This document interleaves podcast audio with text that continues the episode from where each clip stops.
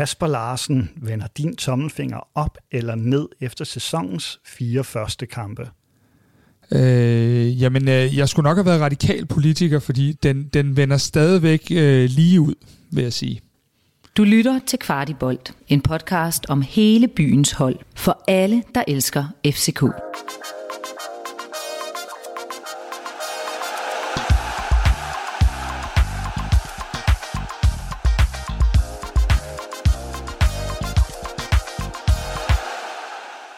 Fra helvede til himmel kunne overskriften meget passende lyde efter en groggy sæsonstart, som begyndte med nederlag i parken mod oprykkerne fra Horsens og eksploderede i en forrygende flot massakre af Brøndby i søndags.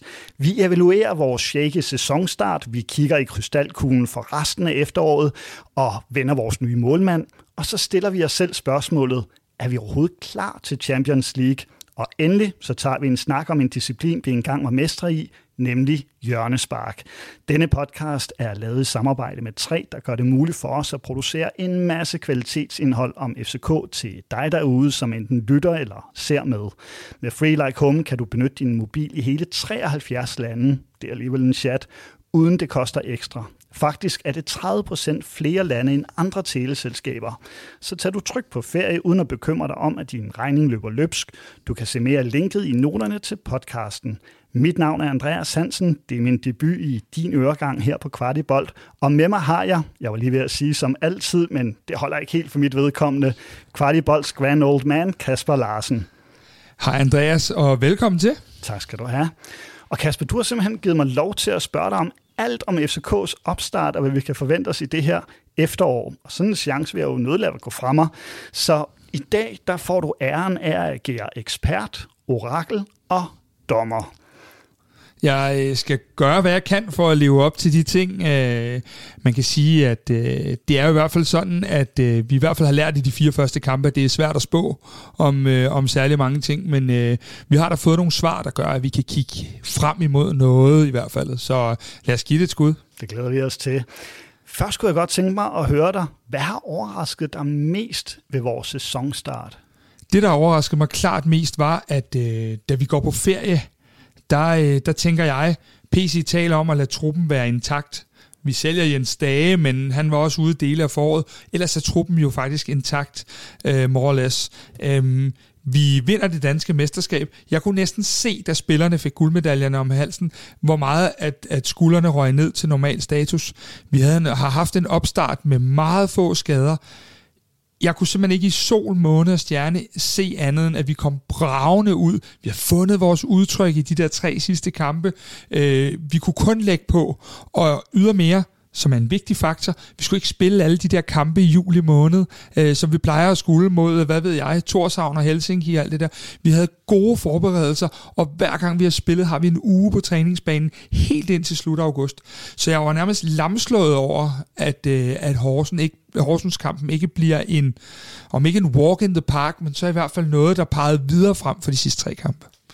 Og nu er der jo gået tre kampe yderligere siden den famøse Horsens kamp, ja. hvor vi altså ligger ud med at tabe 1-0 i parken til oprykkerne.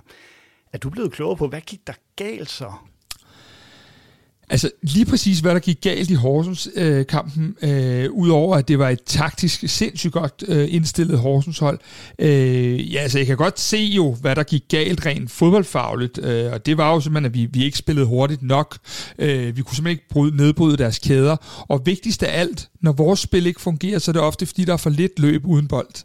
Og det er for mig øh, noget af det, der bliver nøglen. Hvis vi ikke kan investere de meter, det skal, der skal til, jamen, så får vi ikke lukket op for de mellemrum. Nu har vi fået Mo til at hjælpe os lidt, der holder den brede kant, men ellers så får vi ikke lukket op for de mellemrum, der, øh, der, der ligger derinde, hvis vi ikke får alle de løb, øh, modsatrettet løb. Jeg giver dig et godt eksempel fra Brøndby-kampen, øh, hvor vi har sådan en situation i anden halvleg, hvor at, øh, at, at lige pludselig trækker Pep Biel ned og er nærmest øh, et sted mellem 6 og 8, og Lea kommer i et lækkert løb. Det er ikke en situation, der fører til noget, men det var sådan et udtryk for, hvordan vi skal spille, og hvordan vi kan spille.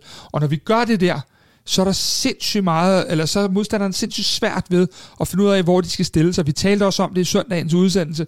De aner ikke, hvor de skal gøre sig selv. Og det er jo der, vi skal hen men tager vi ikke de løb, jamen så bliver vi øh, et øh, boldmasserende, nusende øh, hyggehold, om jeg så må sige. Nu siger du, at, at der kom lige en dimension med Darami, men hvis vi nu spoler lidt frem fra, går vi lidt hurtigt over de her frygtelige kampe, Ej, vi vinder i Aalborg, ja. så, øh, så får vi ørerne i maskinen med Viborg, der er hammerende effektive og slår os hele 4-2.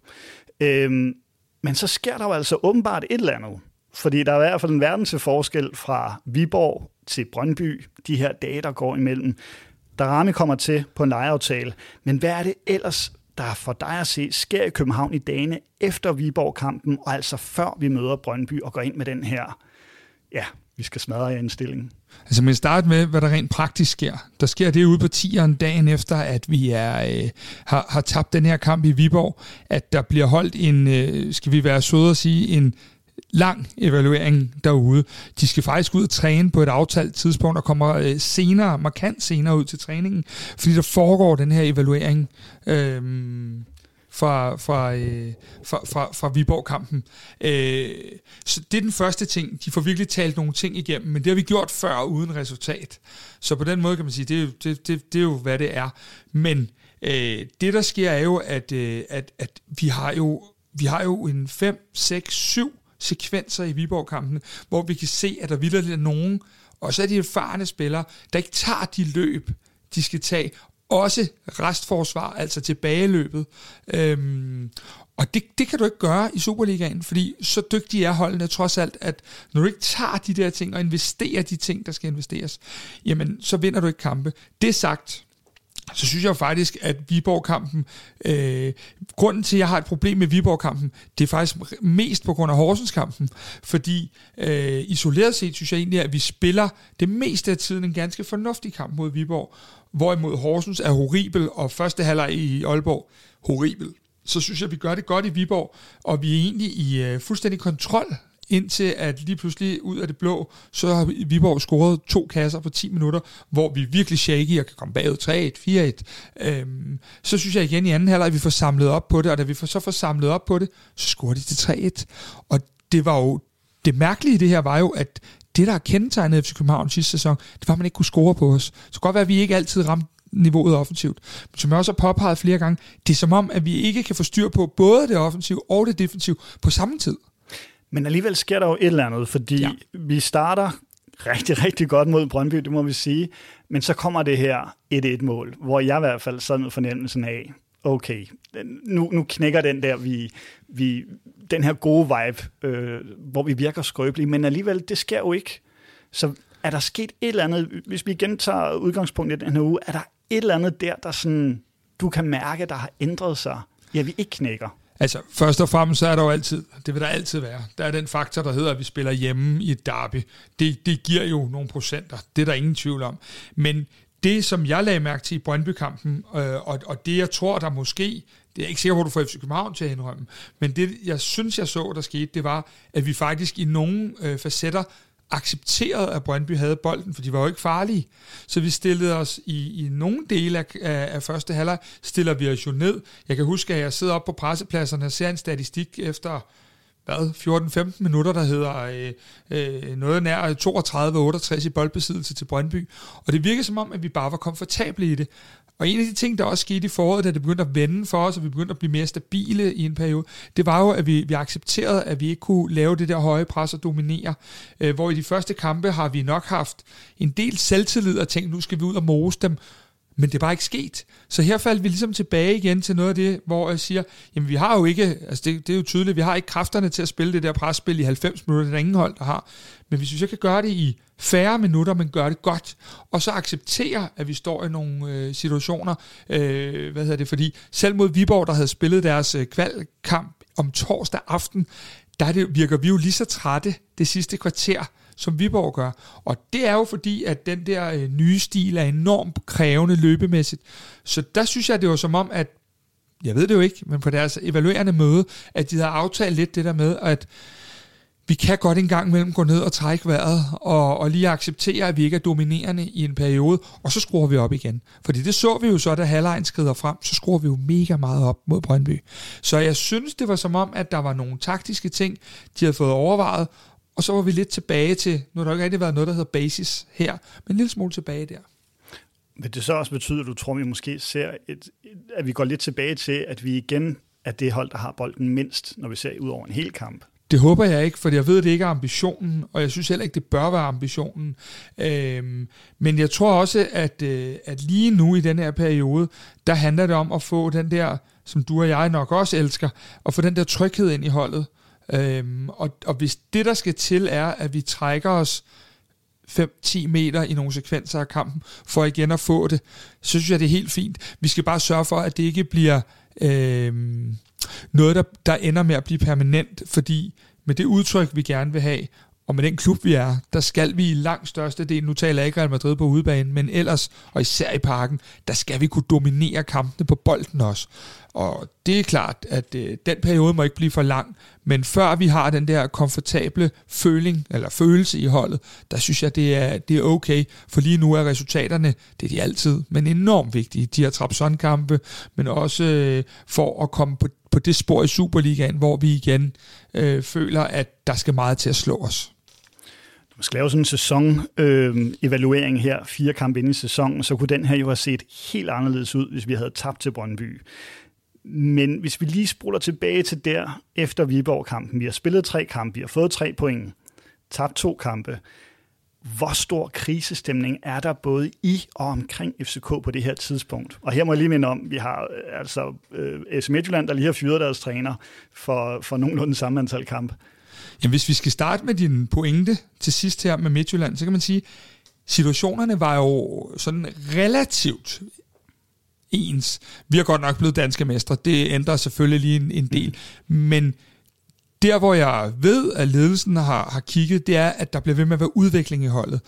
Og, og før Brøndby-kampen var det nok lidt svært for os alle sammen at se den udvikling. Så så vi den lige sporadisk mod Viborg i nogle sekvenser, øh, noget af kampen. Vi så den i anden halvleg i Aalborg, vi så den ikke i første halvleg, og slet ikke mod Horsens.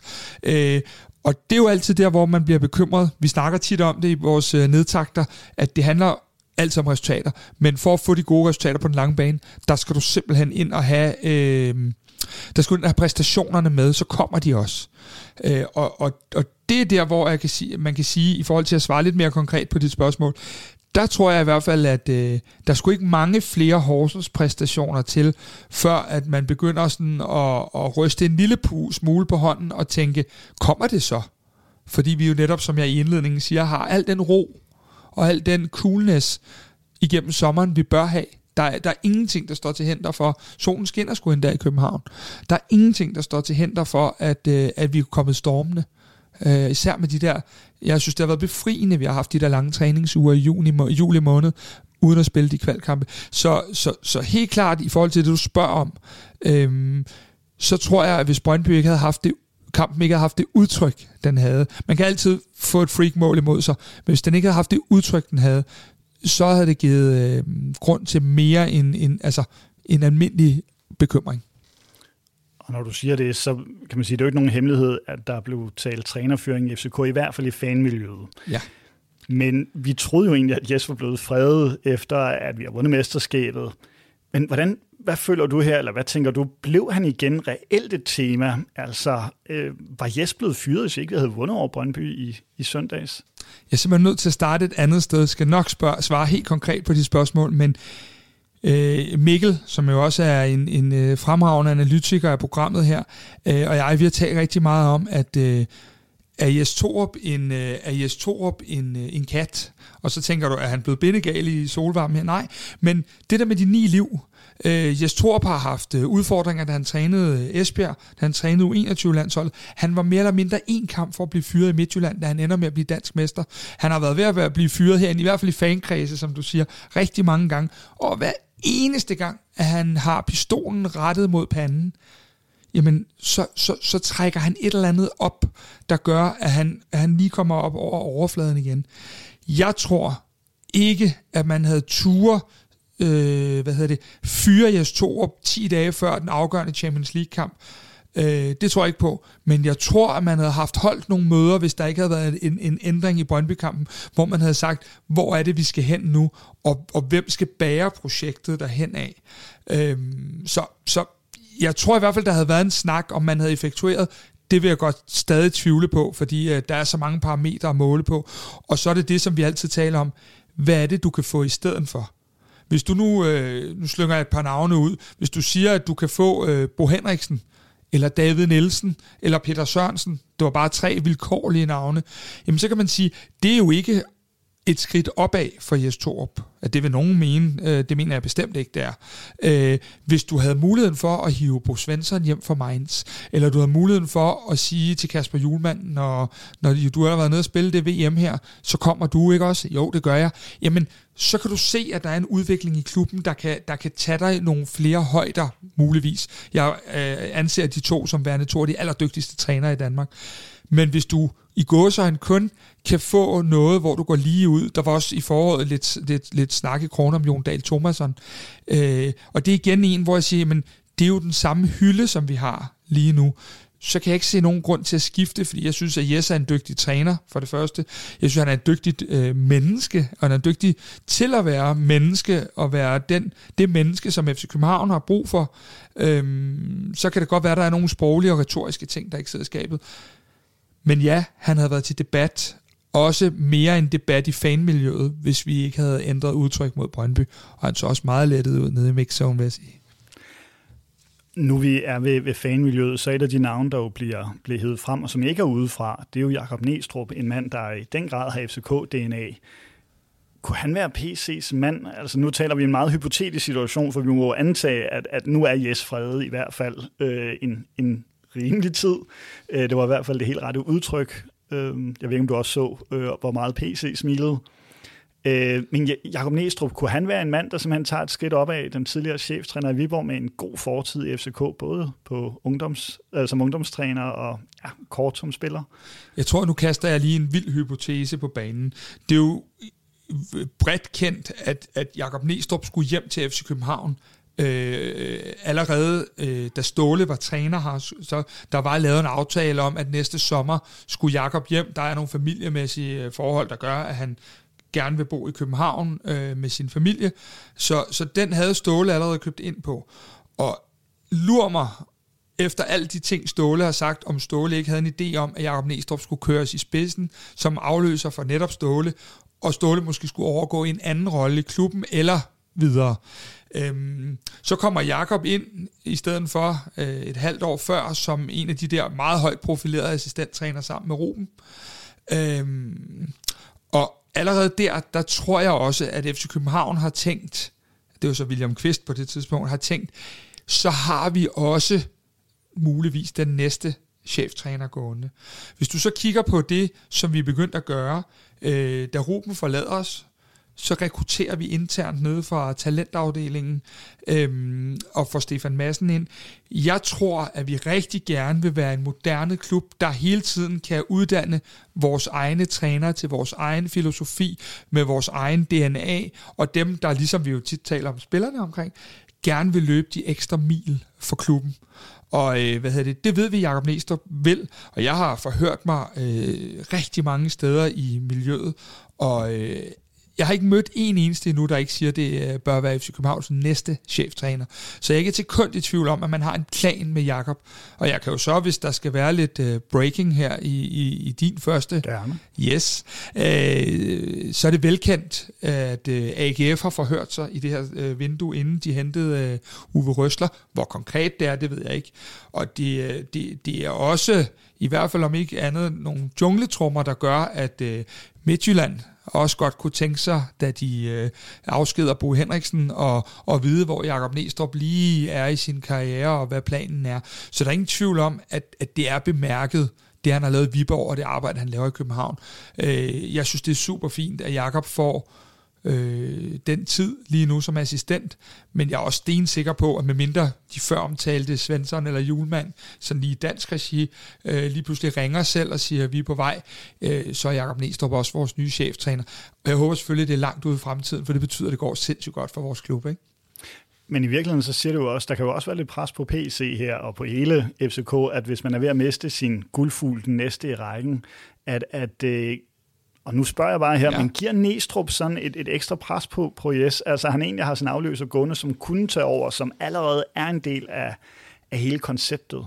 Jeg tror faktisk, det ville undre mig, hvis Jes Thor ved sin ansættelse ikke også havde fået at vide, at udover at du bliver træner for vores klub, så, så øh, har du også øh, død og pine at være med med din rutine internationalt fra, fra både europæisk fodbold med, med, med sine klubber og øh, U21-landstrænerjobbet osv., så, så tror jeg, at øh, han simpelthen også har fået en, en, en form for en bunden opgave, der hed, du må også godt sørge for, at ham her, han er klar, fordi det, det, det, det ved jeg jo vidderligt ikke, om han var, da han kommer til. Det tror jeg ikke, FCK-folkene vidste. Der er trods alt forskel på at træne Viborg og, og så Nordens flagskib.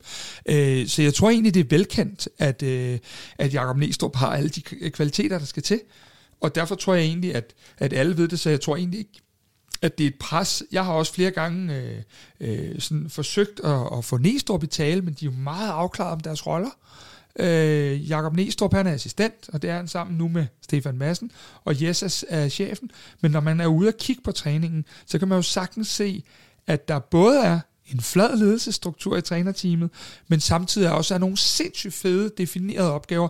Jeg er aldrig i tvivl, når de laver en øvelse om, hvem der så kommer til at stå for den. Og jeg er heller ikke i tvivl om, når jeg er på træningsanlægget tidligt på ugen, så er det meget af assistenterne, der er på, og når jeg nærmer mig at komme derud til kampe, så er der ingen tvivl om, at så træder Jes ind og, og er den, der sætter retningen for, for kampbilledet. Så jeg synes, at øh, det virker som om, at alle trives i deres roller, og så skal vi jo lige huske på igen, at Jakob Næstrup blev jo fodboldinvalid meget ung, så han er jo stadig en voldsomt ung træner, og har masser af år fremad. Så jeg tror også bare, at han suger til sig, for eksempel hvis vi skal ud og spille Champions League, og i hvert fald et Euroleague-gruppespil, øhm, så suger han jo også til sig af den del af det.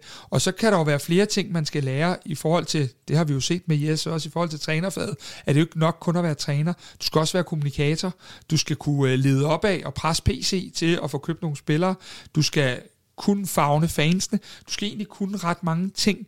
Øh, trænergærning er jo langt fra det eneste her i anno 2022.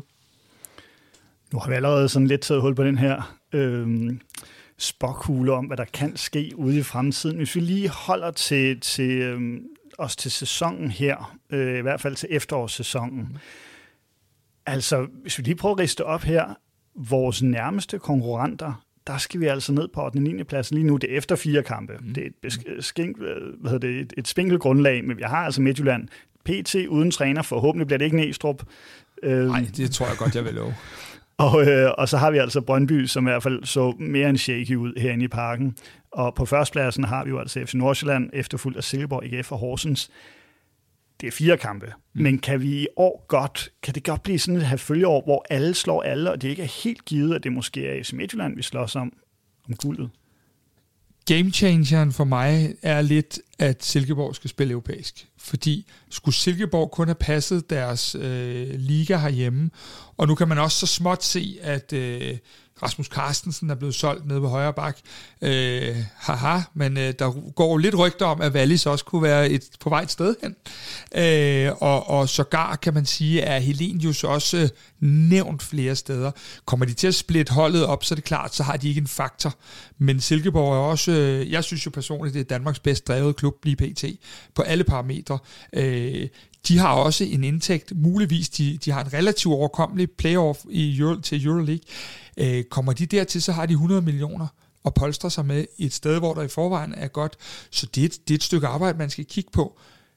Men kan de holde til at spille torsdag kl. 21 i Baku, og så spille søndag kl. 16, alternativt et eller andet mandag, og, og blive ved med at, at have den der... Øh, øh, kontinuitet i resultaterne, det kunne man godt være i tvivl om, men jeg vil godt love dig, at jeg er glad for, at de øh, endte med at, at få den her sikre europæiske gruppespilsplads, fordi ellers har de et færdigt hold derovre, hvis de ikke havde solgt nogen, og så havde de været øh, mere end en skræmmende kandidat. Jeg er så også helt sikker på, at Midtjylland med den trup, de har, og jeg ved jo også, at de kommer til at forstærke sig til sidst her, øh, dog kan det blive et stort problem for dem, hvis Virchenko bliver ved med ikke helt at have niveauet, og de sælger i vandre, det er sådan ret meget grundpillen op igennem Midtjyllands aktier. Det ved vi to jo alt om, at når du piller aksen ud, du kan godt pille nogle af siderne ud, piller du ved aksen, så kan det gøre ondt. Men Midtjylland har bare så mange penge, og så meget kvalitet, at de vil også ligge deroppe. Øh, nu går så, for, så hvem ja. bliver, hvem, bliver, øh, ja, hvem kommer vi til at, at ja, kæmpe Jeg, jeg tror dybest set godt, at medaljerne kan, kan ende ligesom sidste år med, at det er Silkeborg, Midtjylland og FC København, der fordeler dem, sig imellem, fordeler dem imellem sig. Øh, så er det jo altid interessant. Nu synes jeg, det var et skræmmende dårligt Brøndby-hold, vi mødte i søndags. Jeg var faktisk øh, nu havde jeg ikke så meget tid til at sidde og være alt muligt rystet over tingene, men var en lille smule rystet over, hvor dårlige de var. Øh, om det så også der gjorde dem dårlige, eller de bare var dårlige, det er jo altid svært eller at sige. trætte.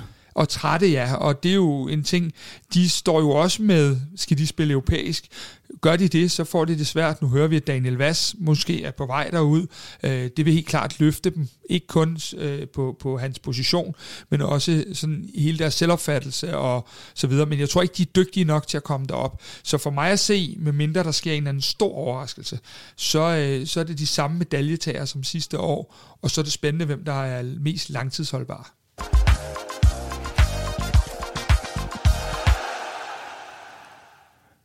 Du kickstartede lidt på den her spagkugle, men ellers så vil jeg altså bede dig om at forbinde dig til de højere kræfter, kigge i din spagkugle og fortæl mig, hvad det er, du ser. Du får simpelthen 10 hurtige, og det kræver altså lidt korte svar, så gå med mavefornemmelse, yes. gå hvad du ser i den her kugle.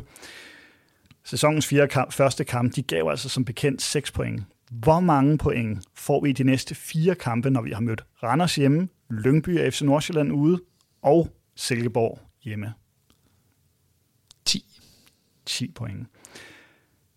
Spørgsmål nummer to. Får vi en ægte nier inden transfer deadline, eller i hvert fald bare en eller anden nier, og bliver det i så fald en fra den berømte øverste hylde? Ja, det gør vi, men lige en halv kommentar til det. Hvis, hvis det med ægte nier menes en Federico Santander-type, så tror jeg, man bliver skuffet. Men vi får en nier fra en anden hylde, og jeg er endnu mere sikker, hvis vi spiller CL. Har du et navn? Nu mistede vi jo den, vi havde gået og håbet på her. Det igen, det kommer an på, hvad man vil med den plads. Øh, jeg nævnte jo Jakob Brun Larsen, og vi i søndags i vores udsendelse, og jeg har også, vi har også været omkring, det ved alle jo, øh, Nikolaj Wallis, og øh, hvis vi fastholder at spille på den måde, vi spiller nu, så vil begge de to, sammen med Pep Biel, og egentlig også sammen med Klaasson og Havkon, kunne spille den der falske nier. Så spørgsmålet er, tør vi gå all in på det, eller skal vi ud og hente noget, der er helt anderledes og, og har noget lidt mere krop? Det skal i hvert fald være en god presspiller. Hvad ser du i din spagkugle? At vi henter en nier, der ikke er det, folk lige tror. Nu var der jo så en, vi i hvert fald er sikre på, at vi fik. Matthew Ryan, han, øh, med ham så er vi nu op på fem målmænd i FCK. Har vi også fem målmænd, når transfervinduet lukker? Og hvis ikke, hvem ryger? Øh, vi har øh, fire målmænd, når, når vi lukker. Vi har øh, Matthew Ryan som første målmand. Øh, det tror jeg faktisk allerede godt kunne ske mod Randers. Øh, så har vi Kalle Jonsson som, som anden målmand. Vi har Andreas Dittmer som tredje målmand. Og når Camille Garbara så kommer tilbage, det vi skal huske er, VM starter allerede midten af november. Vi skal spille to kampe om ugen. Øh, jeg tror, at Camille Garbara kommer tilbage, og så kommer det jo an på, hvad Matthew Ryan har vist. Det kan vi ikke så gisne om, når vi ikke engang har set ham spille for FC København endnu. Øh, men oplagt er det, at Grabara øh, hvad hedder det, er første målmand ind til næste sommer, for det man skal huske er, der er ingen noget salgspotentiale i Matthew Ryan. Der er et kæmpe salgspotentiale i Grabara. Så må ikke, at Ryan står efteråret, more or less, alt efter hvor lang tid det tager Camille. Camille står foråret, bliver skudt afsted til et svimlende beløb til sommer, og så har vi Matthew i, i en pæn overrække inden. Mit bud er også, at Kalle Jonsson er fortid til vinter, hvis han skal... Altså, Kalle Jonsson kommer ikke på noget tidspunkt til at skulle agere tredje målmand, når der er et transfervindue åbent. Men i det her transfervindue, sælger vi en målmand? Ja, eller? Johan Guadagno, han ryger, og det er kun et spørgsmål om minutter.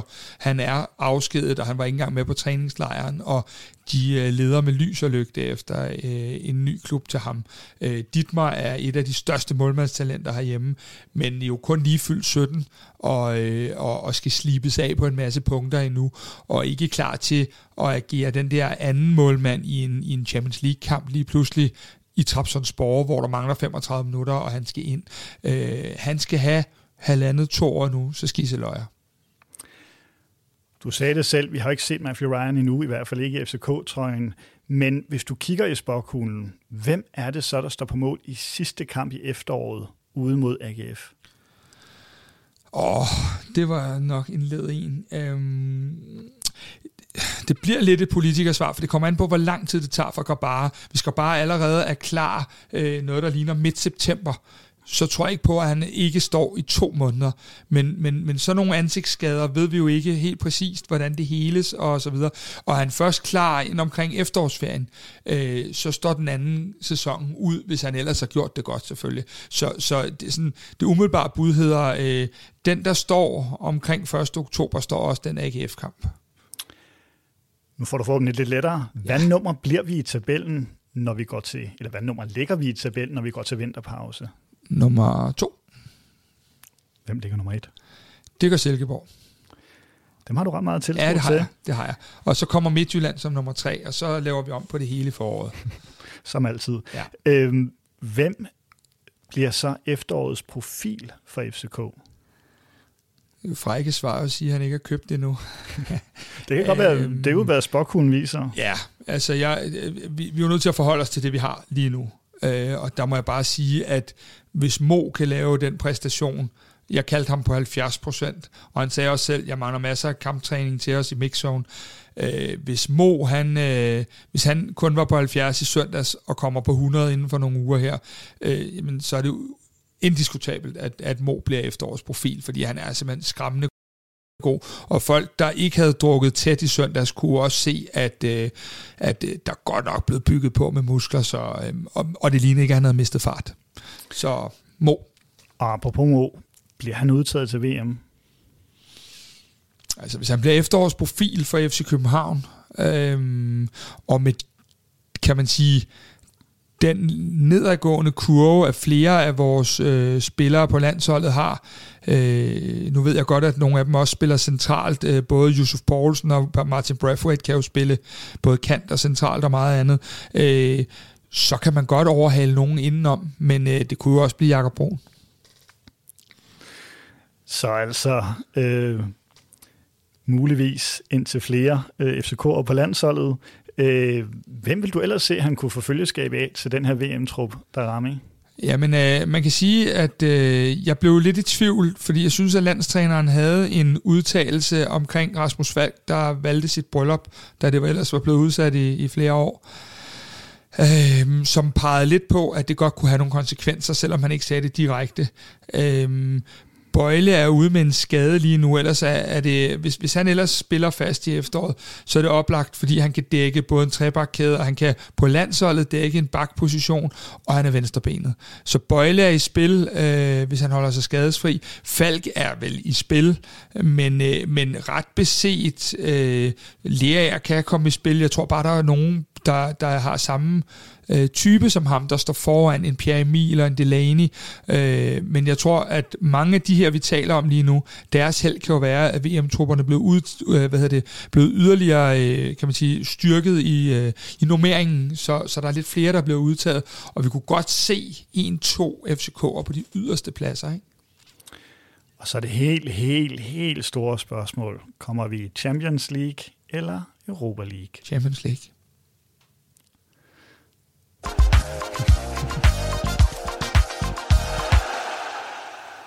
Og apropos Champions League, så vil jeg altså tillade mig at lade mig inspirere af søndagens lidt skandaleramte tifo i parken. Der var nogle numre, der signalerede noget med øh, modstand til politiet. Det skal vi ikke ind på i denne her. Men apropos Olsenbanden, så vil jeg godt tillade mig at gå lidt i, i runner-mode. Jeg kan nemlig godt blive lidt urolig, når vi drømmer om millioner og Champions League. For er FCK anno 2022 overhovedet gearet til at spille Champions League gruppespil, eller vil det være bedre for Jes og holdet, hvis vi prøver kræfter i Europa League mod hold, som vi formentlig langt bedre kan matche, hvis vi altså lige ser bort fra alle de her mange dejlige millioner? Ja, altså millionerne taget i betragtning, øh, så, så vil jeg hellere have seks, øh, om ikke røvfulde, så seks nederlag i Champions League, end, end, øh, end, end noget andet. Fordi det er toppen af poppen, det er udstillingsvinduet for vores spillere, så det er jo ikke kun de 250 millioner, vi tjener. Men hvis vi ser bort fra ja. millionerne, fordi de er der jo, de er Rent dejlige. sportsligt er vi, øh, ja, og det er så svært at bedømme, fordi at vi jo, øh, hvis du havde spurgt mig efter PSV-kampen ude, så ville jeg have sagt til dig, Øh, det kan da godt være, for det virkede som om, at vi havde fundet øh, noget af opskriften, og vi kun blev bedre derfra. Når vi så ser på hjemmekampen, så så er der måske lidt længere igen indtil, og det er jo det sidste, vi har at måle på, og det er mod en kaliber af modstander, hvor at du kan sige, det er både en modstander, der kan gå i Champions League og Euroleague, PSV Eindhoven.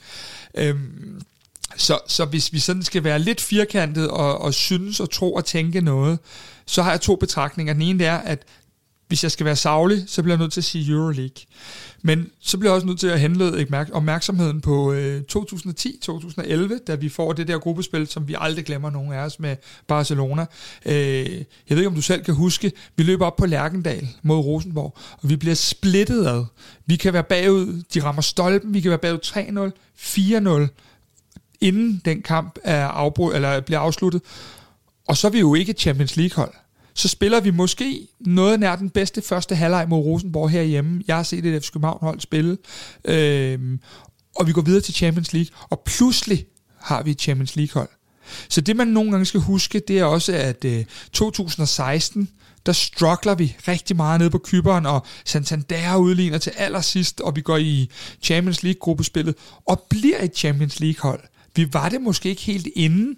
Øh, vi var et andet slags Champions League-hold der, fordi vi øhm, at vi, vi, vi, hvad hedder det, øh, vi, vi var lidt mere til at lukke ud, eller lukke af bagud, hvor i 2010-11, der havde vi alle facetter. Øhm, så det nogle gange, der sker, det er, at hold fødes ind i Champions League. Og det her holds topniveau, kan jeg sagtens se, når de får al den plads, du vil få mod bedre modstandere, øh, kan jeg sagtens se kunne blive Champions League-hold. Men vi skal jo fødes derind, så lige nu er vi ikke. Men kunne vi lave en, en af de andre øh, og, og tage det perspektiv på, at det har vi heller ikke været nødvendigvis de andre gange, jamen så, øh, så er der en mulighed. For mange siger bare, det hold, vi havde i 10-11, det er det bedste hold nogensinde, hvilket jeg er fuldstændig enig i. Men det var de jo først, da de trådte ind i gruppespillet. Det var de sandelig ikke på Lærkendal inden.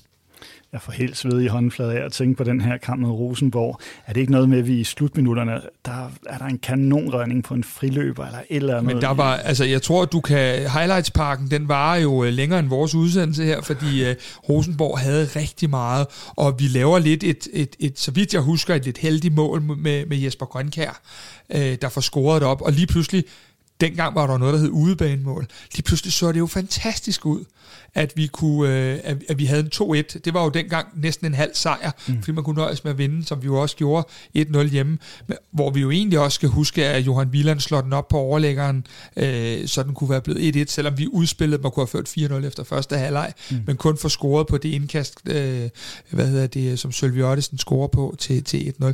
Så nogle gange, så skal hold også fødes ind i Champions League og opleve, at de kan være med. Vi har nogle, øh, nogle øh, spillere, der har et teknisk niveau, hvor du godt kan spille Champions League. Det man kan frygte, det er det positive. Det man kan frygte er, har vi holdbarheden i holdet?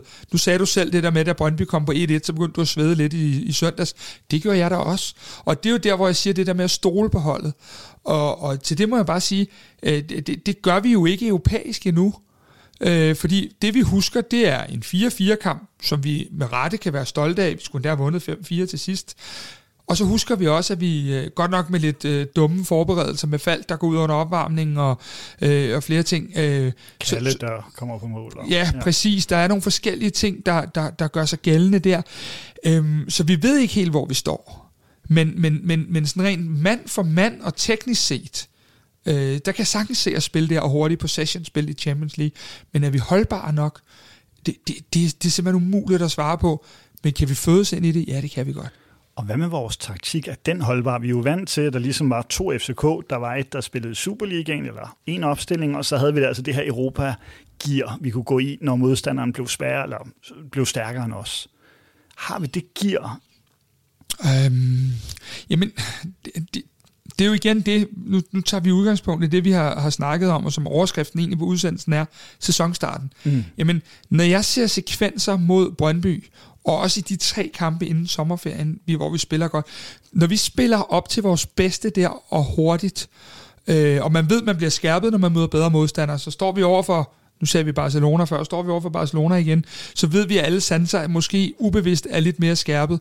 Jamen, så har vi haft sekvenser, hvor jeg har tænkt, det kan vi godt. Men når jeg så ser, at vi øh, masserer bolden mod Horsens, så tænker jeg, jamen, hvis, hvis de andre er lidt kloge, så stiller de sig jo bare ned på FCK, så har vi ikke en Kinamand chance. Det gør de bare ikke, de andre hold. Fordi det er store hold, så de kommer herop og spiller, som det passer dem. Og det tror jeg kan være vores fordel. Og det er egentlig også derfor, da du spørger mig, går vi i Champions League, at jeg tænker, jeg tror ikke, at Trabzonspor i to kampe går ned og stiller sig i en fembakkæde, og så har to øh, blokke dernede. Jeg tror, de kommer ud og spiller sådan, som de øh, altid spiller. Og så er det, om vi kan tøjle ham der, øh, din navnebror Andreas der, øh, op foran. Øh, men, men vi skal ikke underkende, at man i Norden og i Skandinavien er enormt dygtig taktiske. Og de gange, vi har mødt tyrkiske hold, øh, Basakci her, øh, hvad hedder det, Sivasborg, nogle af de der, der må jeg bare sige, at når du sidder sådan fodboldfagligt og kigger, måske ikke når du sidder med nerverne ude på tøjet, men når du går hjem og kigger dem igen en gang til, så er det i min bog sådan, at... Øh, at, at så kan jeg bare se så mange taktiske mangler. Jeg siger ikke, Trabzon Spore har det. Jeg siger bare, at, at der er bare nogle lande, hvor at man ikke er lige så struktureret og hvor spillerne heller ikke har den samme disciplin. Det kan godt være, at vi heller ikke altid har det, når vi møder Horsens. Men jeg tror ikke, der er en eneste spiller, der ikke har disciplin, når vi møder Trapsonsborg og, og, og herinde, øh, for at tage det løb, der lige manglede osv. Det skal vi også kunne mod Horsens, så jeg sidder ikke og siger, at vi ikke har det, men jeg siger bare, der skærpes vi også. Så, så øh, jeg ser nogle muligheder i, at i Europa bliver der spillet på en helt anden måde, og der tror jeg, at Torup, Næstrup, Massen osv. måske er klogere.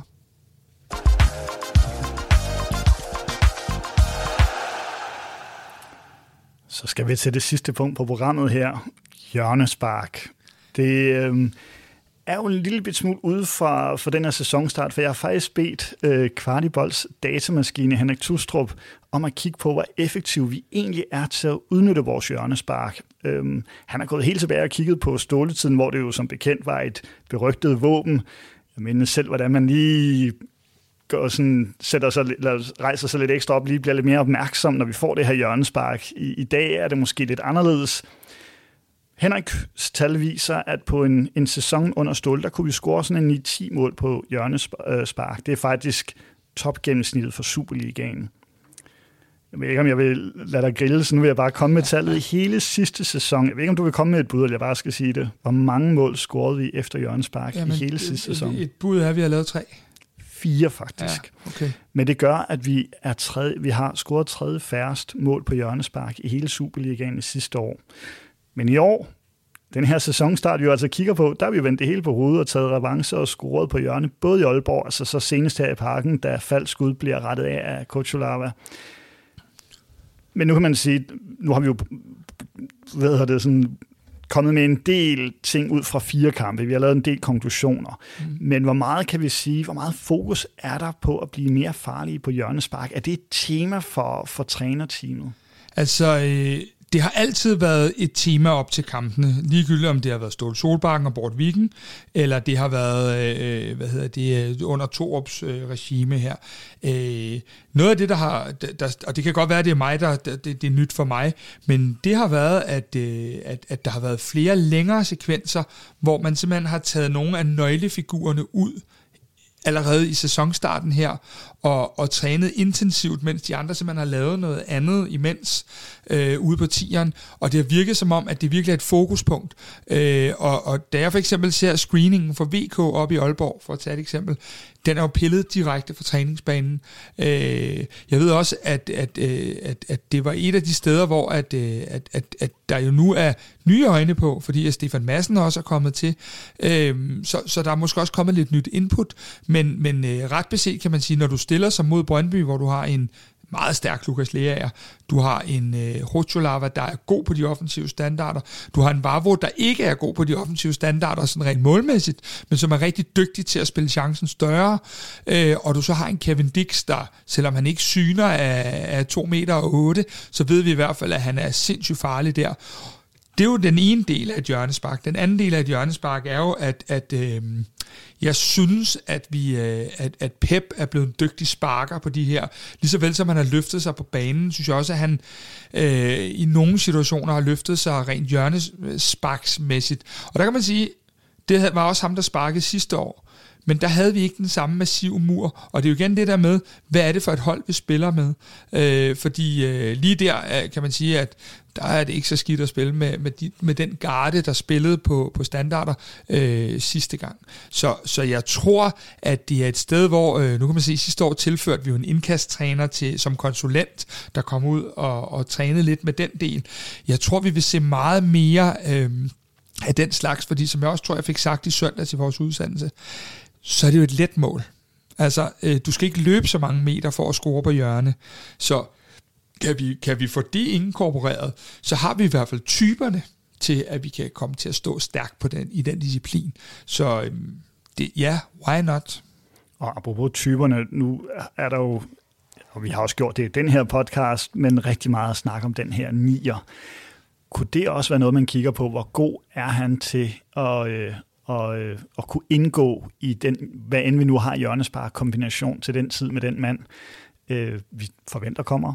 Det er jo så igen der, hvor vi kommer til at komme lidt i kambolage i forhold til typer. Og jeg tror egentlig, at lige der, der kigger vi allermest på kvalitet. Øh, hvis kvaliteten så er... Øh, en, en, en stor øh, Darmendøj, Andreas Cornelius møder Federico Santander på en bar, øh, men så er det det. Men det er nogle andre kvaliteter, vedkommende er nødt til at have som det første. Som jeg siger før, han skal være en god presspiller. Han er nødt til at kunne, lidt ligesom vi så med ham, det sager der nu jo desværre råd til Cremonese i dag, at han, kunne, han var enormt dygtig til at dække sin bold, men han var ikke noget monster. Han var ikke øh, de der klassiske FCK 9'ere fra gammel tid, men han var dygtig linked-up-spiller, fordi han kunne holde i den med sin fysik og spille den videre. Men jeg tror ikke, at vi leder efter en 9'er, der supplerer de her fem, jeg talte om før på Jørgensbakke. Jeg tror i højeste grad, vi leder efter at finde den, som vi det kan man aldrig garantere, men kan garantere os 10, 12, 15 sæsonmål, for jeg tror, vi kommer til at se mange spillere score mål for os i år, fordi vi spiller den stil, vi gør. Vi kommer både til at se mål for kanter. Jeg sagde også, tror jeg i søndags, at man godt kunne lægge lidt mønt, hvis man ellers er til den del på Lerager, at han kommer til at komme lidt i gang, både med sin lange skud, men også i feltet. Så jeg, jeg tror ikke, at vi som sådan går efter en, der kan tilføre mere på det område. Jeg tror mere, vi kommer til at gå efter en, der kan de ting, jeg, jeg nævner før. Men hvis det ikke bliver nieren, der bliver den, den, den her, hvem end det nu bliver, hvis det bliver, det satser vi på. Ja. Hvad er det så, vi mangler for at komme op blandt de bedste i Superligaen til at udnytte vores hjørnespark? Du siger, de er begyndt at fokusere mere på det, hive nogle, nogle øh, nøglespillere ud og, og, øh, og have en snak med dem. Øh, men, men hvad mangler vi ellers? Jamen altså, dybest set kan du sige, så, så mangler vi jo ikke rigtig noget. Hvis vi igen tager udgangspunkt i den opstilling, vi havde mod Brøndby, så havde vi jo alle redskaberne øh, til rådighed. Øh, både hætter, vi havde sparkeren, så, så øh, for mig at se, er der ikke noget, der, der, der, der retfærdiggør, at vi ikke skulle øh, lave masser af mål øh, på, øh, på, på hjørnespark. Øh, jeg synes ikke, vi mangler noget. Vi mangler at hætte dem ind. Vi mangler at blive farligere. Men, men vi har typerne, og vi har også det, som er vigtigt på et hjørnespark. Vi har typerne, der godt vil miste tandsættet for, øh, for at score. Øh, Lea er ikke bange af sig, Kuchular er ikke bange af sig, Dix er ikke bange af sig, Vavro behøver jeg ikke at nævne i den sammenhæng. Så vi har masser, der tør at smadre igennem. Jeg ved jo, at Ståle engang havde den der snak med Jonas Vind om, du skal op for to tænder, hvis du skal til at score noget mere på hjørnespark. Og, og hvor Vind måske ikke lige var den type, der han kunne alt andet, men han var ikke lige typen, der, der offrer sit, øh, sit pæne yder. Så er de her typer, jeg nævner jo nogen, der siger, jamen kan jeg score her, så må jeg ligge til rådbehandlingen næste dag over hos øh, tandlægerne. Ikke? Øhm, så jeg, jeg synes egentlig ikke, vi mangler noget, men vi mangler selvfølgelig at få det gjort færdigt. Og der kan man sige, at vi jo startede i Aalborg, og hvis, hvis, hvis det gode er at lave 10 på en sæson, og vi allerede nu er på to efter fire kampe, så er vi vel egentlig også bare inde i den statistik, Henrik påfører som værende en, en rigtig god sæsonstatistik. Så hvis du skal tage et, øh, eller hvis jeg skal bede dig om at tage et sidste kig i spokhulen, den her øh, podcast, hvad er vi så på i denne her sæson af mål scoret på hjørnespark? Jamen, øh, så lad os da bare toppe de der sæsoner og sige, at vi ender på 10, hvis vi øh, har lavet to og har, har 8 igen med, med, med relativt mange kampe tilbage. Så kan jeg ikke se, hvorfor vi ikke skulle øh, komme op. Og jeg synes også, udover at vi ikke har scoret, at så virker vi generelt, som om vi bliver farligere. Det er altid en hypotese jo. Det virker som om, at der er mange af hjørnsbakkene, der sådan er begyndt, hvor man begynder, sådan, som du sagde lige før, øh, og, og lige øh, rejse sig i stolen og tænke, det her, det kunne godt blive noget. Øh, og der kan man bare sige, det er jo noget af det, hvor man, hvis man kan lave et mål på hjørnespark mod Trapsonsborg, øh, hvor at vi jo sandsynligvis ikke får de muligheder, vi vil få, hvis vi møder Lyngby hjemme, øh, jamen så er det jo sådan noget, vi skal kunne finde frem, for Andreas Cornelius kan jo trods alt ikke dække alle vores spillere, øh, sådan lidt sagt med et smil på læben. Jeg tror, at vi er mange, der vil se frem til at kunne øh, give lidt ekstra i sæderne, når vi får hjørnespark. Jeg har i hvert fald fået svar på, om ikke alle, så virkelig mange af mine spørgsmål her. Øh, vi er tilbage, og det håber jeg også, at du lytter derude fik. Vi er i hvert fald tilbage med morgenbriefing i morgen tidlig med alle de vigtige nyheder om FCK. Så der er i hvert fald ingen grund til ikke at stå tidligt op og høre morgenbriefing i morgen. Og hvis du elsker nyheder om FCK, så kan jeg også varmt anbefale dig at sikre dig billet til Kvartibold store transfer deadline show. Det er den 31. august på Frederiksberg, hvor vi er med i de sidste fem timer af det formentlig super spændende vindue, der ikke er afgjort til den tid. Og med til showet kunne jeg forstå, at vi altså blandt andet har fået Niels Christian Holmstrøm. Øh, om ikke andet, så øh, får vi i hvert fald mulighed for, at han får mulighed for at give sin evaluering af transfers, og ikke mindst af det nye FCK, hvis han vil det. Mm, vi ser, altså, vi, vi tænker, at øh, vi prøver at spille ham varm, og så ser vi, fordi øh, øh vi ved jo, at når Niels Christian er talt varm, øh, så, øh, så, så er han jo, øh, for uden at være en fantastisk retoriker, så er han jo også en mand både med viden, kløgt og indsigt. Øh, og det gør for mig i hvert fald, at, øh, eller det, det, det, det er i hvert fald sådan en af de der, når, når Niels Christian taler, så lytter jeg. Og, øh, og, og det håber vi jo, at, at der er rigtig mange, både live og, og, og, og hvad hedder det, der, der, ja, live, der, der, der vil den dag, fordi øh, ham glæder vi os helt vildt meget til, og han snak, han er jo mere eller mindre, har han jo også en form for 30 års jubilæum i år, fordi han både har været i KB's bestyrelse, han har været øh, hvad hedder det, sportsdirektør han har været sågar cheftræner i et par kampe, og så har han siddet i bestyrelsen, så han har jo har en kæmpe FCK viden, han kan øse ud af. Og der er det selvfølgelig også spændende, hvis vi til sidst kan lokke lidt ud af ham. Hvor er vi i dag? Nu har han jo ikke noget. Han er jo med egne ord gået over og hygget sig i pensionisttilværelsen. Så, øh, så han er jo ikke noget i klemme herinde, på trods af, at jeg ved, at han sidder her hver anden søndag og, og råber og skriger stadigvæk, lov. Øh, så, så må det ikke, at vi kan få noget lækkert ud af ham, det, det vil jeg tro. Og så vil jeg gerne lige sige, at øh, de næste uger drøber vi flere øh, spændende profiler ud, der, der kommer. Øh, selvfølgelig er transfers det vigtigste, men, øh, men, men gode FCK-historier, dem får vi heller aldrig nok af. Så hvis du vil høre en Niels Christian Holmstrøm måske på helt slap og fri linje, så koster det altså kun 150 kroner med og inkluderer endda fri ølbar den første time. Og er du medlem, så koster arrangementet kun en flad 100 kroner. Du kan læse mere linksene til den her podcast. Her kan du også finde mere om, hvordan du bliver medlem af Kvartibolt, og hvordan du kan støtte vores allesammens podcast ved at købe dit lækker Kvartibolt merchandise.